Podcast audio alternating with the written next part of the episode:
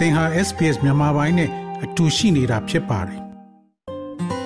SBS မြန်မာပိုင်းကို အင်ကာနဲ့စနေနေ့ည10:00နာရီမှနားဆင်နိုင်တယ်လို့အွန်လိုင်းကနေလည်းအချိန်မီနားဆင်နိုင်ပါပြီ။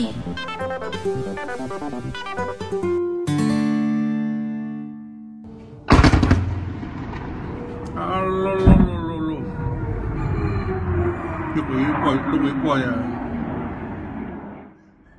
နိုင်ငံတကာမှာတော့မနေ့ကကြာရောက်တဲ့ကမ္ဘာကလေးများနေ့ကိုကလေးတွေပျော်ရွှင်ရေး UTP ပုံစံမျိုးမျိုးနဲ့ကျင်းပခဲ့ကြပါတယ်။မြန်မာနိုင်ငံကကလေးငယ်အများစုကတော့ပျော်ရွှင်မှုနဲ့ဝေလို့ကြောက်ရွံ့မှုတွေနဲ့သာအဲ့ဒီနေ့ကိုဖျက်ဆီးခဲ့ရတာပါ။ပဋိပက္ခဖြစ်ပွားရာဒေသကကလေးငယ်တွေဟာလည်းလရင်တန်နဲ့လက်နက်ကြီးပစ်တံတွေကြားမှာပဲအသက်ရှင်သန်နိုင်ရေးအတွက်ရုန်းကန်ခဲ့ကြရပါတယ်။ဘုံစာထိမှန်လို့တည်ဆုံခဲ့ရတဲ့ကလေးငယ်တွေ အသက်ငယ်ငယ်ရွယ်နဲ့ကိုလက်အင်ကာဆုံရှုံပြီးဘဝကိုဆက်ဖြတ်တန်းကြရမယ့်ကလေးငယ်တွေဟာပြည်ရင်းစစ်မီးရဲ့မြေစာပင်ဖြစ်ခဲ့ရပါတယ်။ကရင်နီပြည်မှာဆိုရင်လည်းနိုဝင်ဘာ17ရက်ကစတဲ့17 17ဆက်စင်ရေးနောက်ပိုင်းလက်ရှိအချိန်ထိစစ်ကောင်စီဘက်ကလက်နက်ကြီးနဲ့လေကြောင်းပစ်ကူတွေကိုခတ်ဆိတ်ဆိတ်ပြုလုပ်ခဲ့ပါတယ်။ ဒါကြောင့်မိုးပြဲဖဲခုံနဲ့လွိုက်ကော်မြို့အတွင်းမှာလေကြောင်းတိုက်ခိုက်မှုကြောင့်ကလင်းငယ်14ဦးအပါအဝင်လူဦးရေ90ဦးထက်မနည်းတိတ်ဆုံးခဲ့ရတယ်လို့ကရင်နီလူအခွင့်အရေးအဖွဲ့ကနေသိရပါတယ်။အရက်သား80ကျော်ထိခိုက်ဒဏ်ရာရရှိခဲ့တဲ့ကလေးငယ်တွေလည်းပါဝင်ပြီးလက်ရှိအချိန်ထိစေကူတာမှုခံယူဖို့ခက်ခဲနေကြဆဲပါ။ဒဏ်ရာရကလေးငယ်တွေနဲ့ပတ်သက်ပြီးကုညီဆောင်ရွက်ပေးနေတဲ့တက်ကြလှုပ်ရှားသူစောဟန်နွေဦးက ပြည်ရင်းစစ်ဖြစ်ပြီဆိုလို့ရှိရင်အမျိုးသမီးတွေနဲ့ကလေးငယ်တွေဟာအမြဲတမ်းဟိုပြစ်မှတ်ထားခံရတယ်ပေါ့နော်ဆိုတော့တစားကန်လိုမျိုးအမြဲတမ်းဖြစ်ရတယ်ဆိုတော့ဒီကနေ့စောဆေးရုံသွားတဲ့အချိန်မှာလည်းပဲစစ်ကောင်စီကလေရင်ကျဲတဲ့အတွက်ကလေးငယ်ငယ်လေးငယ်ငယ်လေးတွေနဲ့ကိုလက်အင်္ဂါတွေဆုံးရှုံးလိုက်ရတဲ့ကလေးတွေရှိရဲစိတ်တန်ရတဲ့အများကြီးနဲ့အမရှူနိုင်မကဲနိုင်ဖြစ်ခဲ့ရတဲ့ကလေးတွေ ဒီနေ့တွေးခဲ့တယ်ပေါ့နော်အဆိုးဆိုးဝါးအနေနဲ့ဒီလောလောလောလောလောလက်လက်ပေါ့နော်အာမနေ့ကညတော့မှလာကျဲတဲ့လေရင်ချောင်းပေါ့နော်ဆိုတော့ကလေးငယ်လေးခြေထောက်နှစ်ဖက်လုံးဖြတ်လိုက်ရတယ်အသက်14နှစ်အရွယ်ကလေးငယ်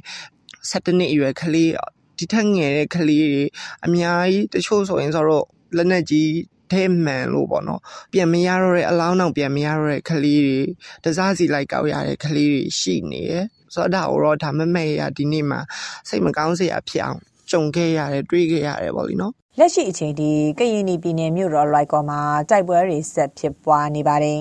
။ကရင်ပြည်မျိုးသားကာကွယ်ရေးတပ်ဖွဲ့ဘက်ကတော့ပြည်သူတွေကိုဘေးလွတ်ရာပြောင်းရွှေ့နေထိုင်ဖို့ထုတ်ပြန်သတိပေးထားပါတယ်။ကရင်ပြည်မှာလက်ရှိအချိန်ထိစစ်ဘေးရှောင်3000ကျော်ရှိနေပြီး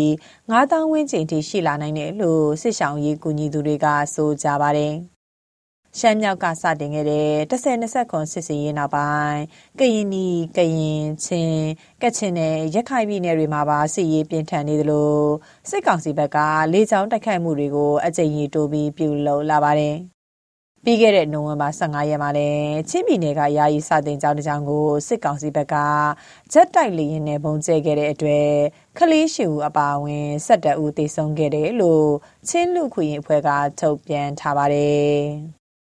အသက်9နှစ်ကနေ17နှစ်ကြားကလေးငယ်တွေသေဆုံးခဲ့ရသလိုအရက်သား၄ဦးဒဏ်ရာအပြင်းထန်ရရှိခဲ့တယ်လို့ဂျာကာလာအမျိုးသားညီညွတ်ရေးအစိုးရကလည်းထုတ်ပြန်ထားပါတယ်။တေကံမရောက်ပဲရှင်တန်နေရတဲ့ကလေးငယ်တွေမှာစိတ်ဒဏ်ရာတွေကြန့်ရှိခဲ့တာကြောင့်ကုစားပေးဖို့လိုတယ်လို့ CDF မင်းတပ်ရဲ့ပြောရေးဆိုခွင့်ရှိသူဆက်လိုက်ရော်မန်ကဆိုပါတယ်။လောကကြီးပါဖြစ်နေတယ်မသိဘူးလေရင်ဆိုလည်းမသိဘူး။ပုံကျဲလည်းမသိဘူး။တော်လိုင်းရင်ဆိုလည်းမသိဘူးပေါ့နော်။ဟို trauma ရတယ်စိတ်တရားရတယ်ဆိုတာကိုကျွန်တော်တို့ထည့်ကြည့်နိုင်တဲ့ attention ပြနေတဲ့အခြေအနေတော့မရှိဘူး။အမှန်တော့ဒီလိုအခြေအနေရင်ဆိုင်ရတယ်လို့ကြုံတွေ့တယ်ဆိုတာကဒီ therapist တွေနဲ့တွေ့မယ် counseling တွေဝင်မယ်ဆိုတဲ့အခြေအနေမျိုးပေါ့နော်။အဲ့ဒီမျိုးမဟုတ်ဘဲနဲ့လက်ရှိအခြေအနေကလေးတွေကတော့ဒါမှပြောဆွေးဖို့ဘာမှမသိကြနိုင်တဲ့အခြေအနေမျိုးပေါ့နော်။အဲ့လိုမျိုးတော့ရှိတာပေါ့ကလေးတွေကျတော့အဓိကပြောမယ်ဆိုရင်တော့စာသင်ကျောင်းတွေဦးတည်တယ် အဲ့လိုမျိုးဆိုကလေးတွေကျောင်းတက်ရမှာကြောက်တယ်တကယ်တကယ်တော့ကလေးဆိုတာကလေးချင်းချင်းနဲ့သူတို့ပြန်ကူပေးကြတာကျောင်းလာကြ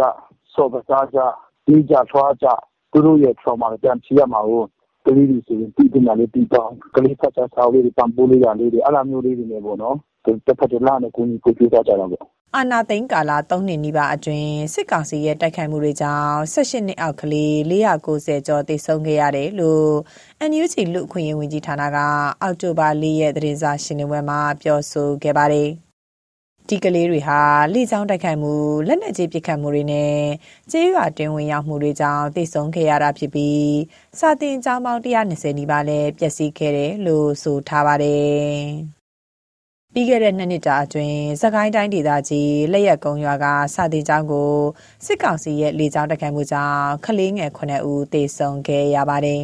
။ပစီကြီးရွာလေကြောင်းသုံးတိုက်ခိုက်ခံရမှုမှာလည်းကလေး19ဦးသေဆုံးခဲ့ရတာပါ။ပြီးခဲ့တဲ့လအတွင်းမှာလည်းကချင်ပြည်နယ်ကမုံလိုင်ခက်စစ်ရှောင်းစခန်းကိုဘုံကျဲတိုက်ခိုက်ခဲ့လို့ကလေး17ဦးသေဆုံးခဲ့ရပါသေးတယ်။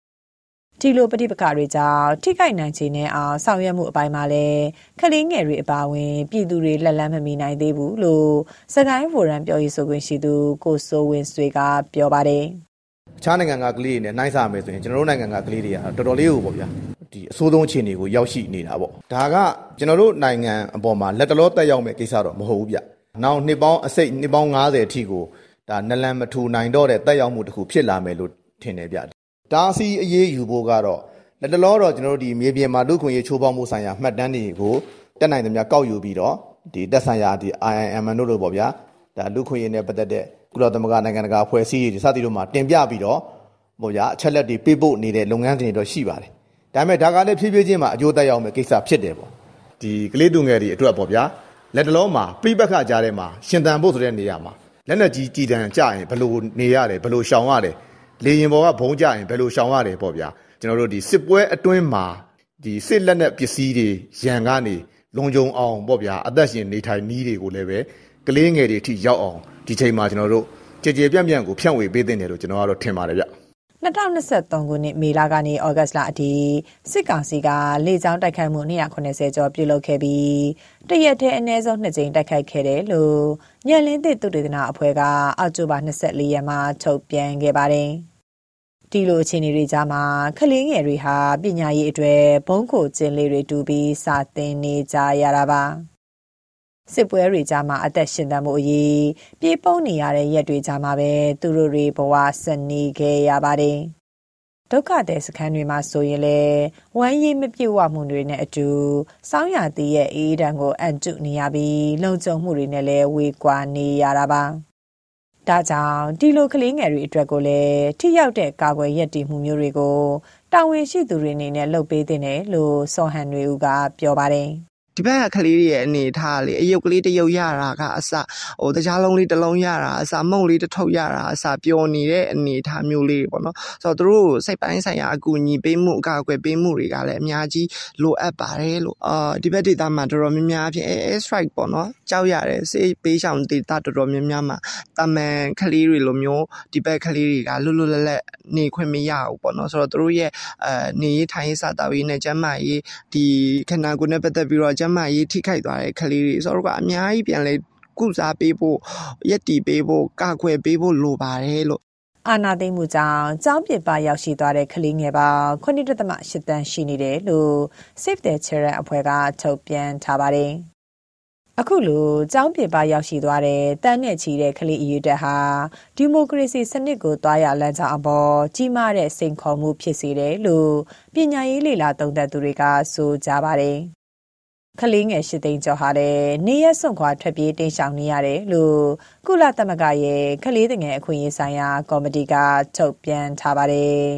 ။အဲ့ဒီထဲမှာ ကလေးငယ်3သိန်းကျော်ကတော့ ပညာရေးကို လက်လက်မမီတဲ့ အခြေအနေ ဖြစ်နေတယ်လို့ ရွှေပြောင်းပညာရေး လုပ်ကိုင်သူတွေက ဆိုကြပါတယ်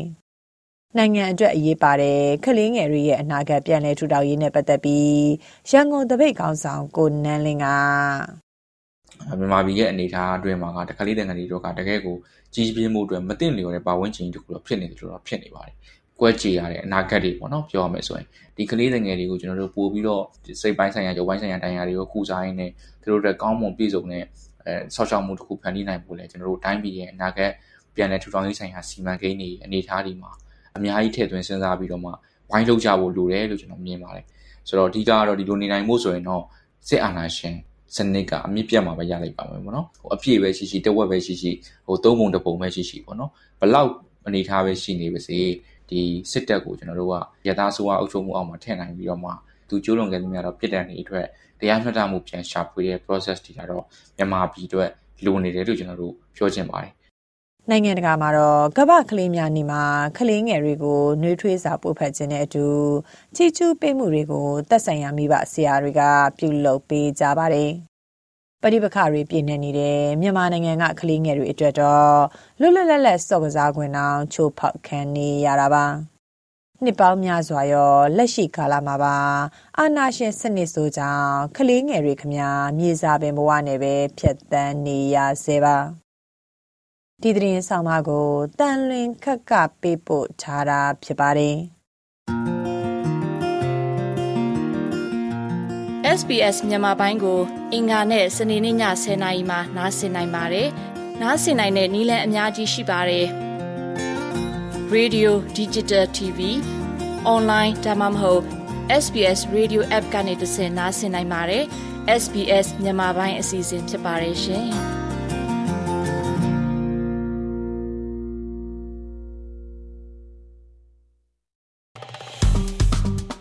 SPS မြန်မာပိုင်းကို Facebook ပေါ်မှာ like ရှာပြီး like မျှဝေမှတ်ချက်ပေးပါ